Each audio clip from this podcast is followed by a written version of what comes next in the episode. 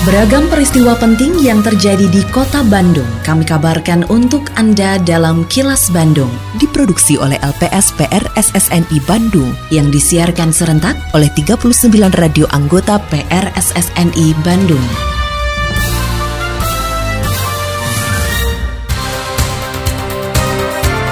Sejumlah informasi aktual kami hadirkan untuk Anda dan inilah informasi utamanya.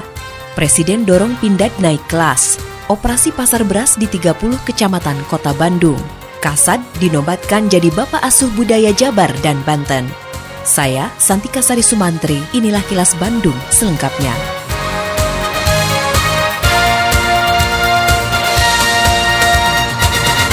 Presiden Joko Widodo mendorong agar PT Pindad terus naik peringkat menjadi industri pertahanan tingkat dunia. Hal tersebut disampaikan Presiden Joko Widodo saat mengunjungi PT Pindad dan sejumlah tempat lain di kota Bandung pada Selasa kemarin. Menurutnya di tahun 2022, peringkat Pindad ada di urutan 79, sehingga di tahun 2024 diharapkan peringkatnya naik menjadi 60, dan di tahun 2025 mendatang target peringkatnya bisa menjadi 50. Presiden menilai PT Pindad cukup berpotensi terus naik peringkat karena seluruh produksinya sangat baik dan bisa bersaing dengan hasil industri pertahanan negara lain. Selain itu, pendapatan PT Pindad juga sudah baik sehingga memiliki prospek dan peluang yang dapat dimanfaatkan. 2022 peringkat Pindad sebagai perusahaan pertahanan itu rankingnya di 79. Tahun 2024 kita berikan akan masuk ke angka 60, tetapi di 2025 kita sudah masuk ke top 50. Jadi progresnya kelihatan dan kalau kita lihat hasil produksinya, produk-produknya sangat bagus. Perum Bulog bersama pemerintah Kota Bandung, Bank Indonesia, serta Gerakan Nasional Pengendalian Inflasi Pangan menggelar operasi pasar beras medium di 30 kecamatan di Kota Bandung. Saat operasi pasar di lapangan Monumen Perjuangan Kecamatan Coblong pada Selasa kemarin, Kepala Dinas Perdagangan dan Perindustrian Kota Bandung Eli Wasliah mengatakan, operasi pasar berlangsung secara bergantian di setiap kecamatan mulai 19 September hingga 10 Oktober 2023 mendatang. Komoditi yang dijual berupa beras medium kemasan 5 kg seharga Rp51.000 per kemasan. Pembelian dibatasi maksimal 2 kemasan per orang dan membawa KTP Kota Bandung yang sesuai dengan lokasi pelaksanaan operasi pasar. Syaratnya warga ini adalah KTP Kota Bandung dan alamat kecamatan setempat. Jadi hanya untuk kecamatan Coblong. Untuk di luar kecamatan Coblong ini kami tidak izinkan karena nanti ada gilirannya. Seluruh kecamatan kan 30 kecamatan ada. Jadi untuk yang mohon maaf yang di luar kecamatan Coblong Coblong nanti harus melihat kapan pelaksanaan OP di masing-masing kecamatan. Karena kalau khusus Coblong aja ini udah membludak gitu. Jadi warga boleh 2 kilo, beli 2 bag 10 kilo dan 1 liter minyak kita. Suara DPRD Kota Bandung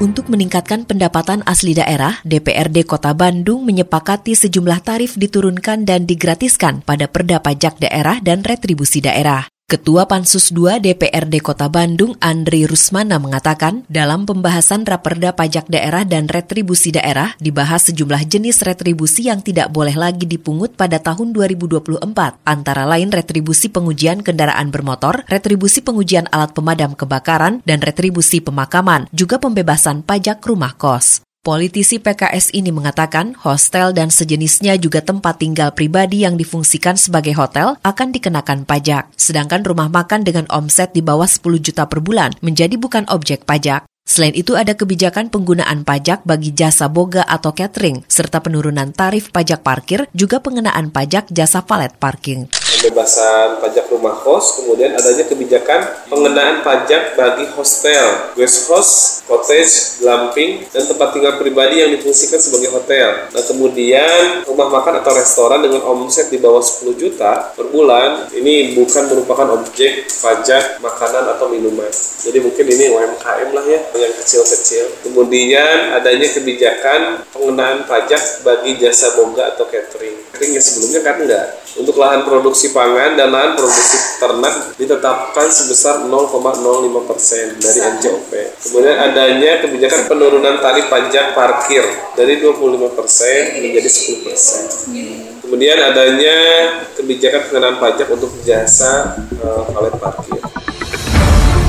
Kini, audio podcast siaran Kilas Bandung dan berbagai informasi menarik lainnya bisa Anda akses di laman kilasbandungnews.com. Kepala Kantor Wilayah Bulog Jawa Barat Muhammad Atarizal mengatakan stok beras di Jawa Barat saat ini mencukupi sehingga masyarakat diimbau untuk tidak panik. Menurutnya pasokan beras yang tersedia di Jawa Barat mencapai 133 ribu ton. Atta Rizal menyatakan untuk pelaksanaan operasi pasar beras dan gelar pangan murah, pihaknya menyiapkan 15 ribu ton beras medium yang dialokasikan bagi 30 kecamatan sekota Bandung.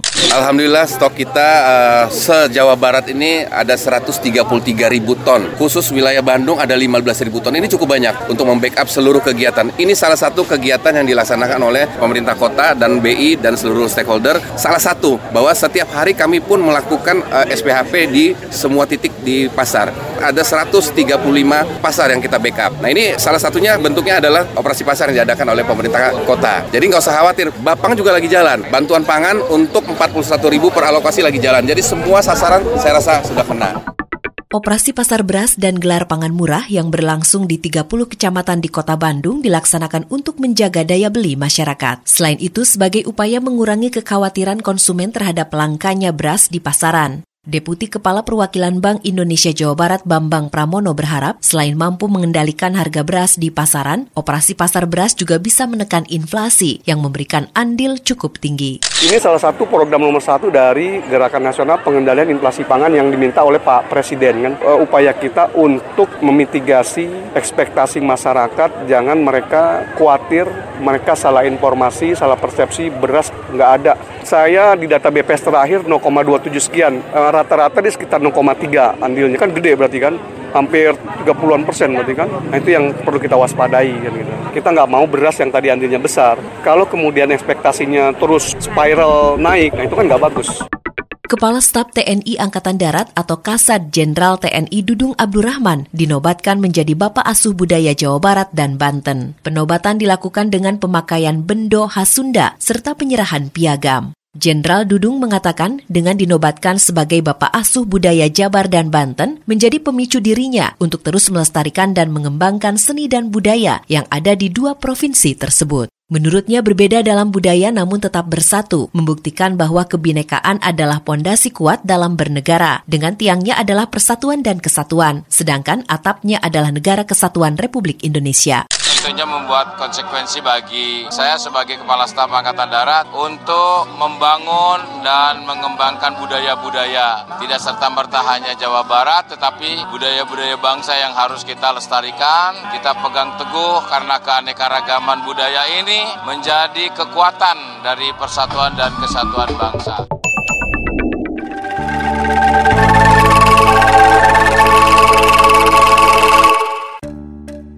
Wah, nggak kerasa banget ya Wargi. 25 September 2023 ini, Kota Bandung menginjak angka 213 tahun.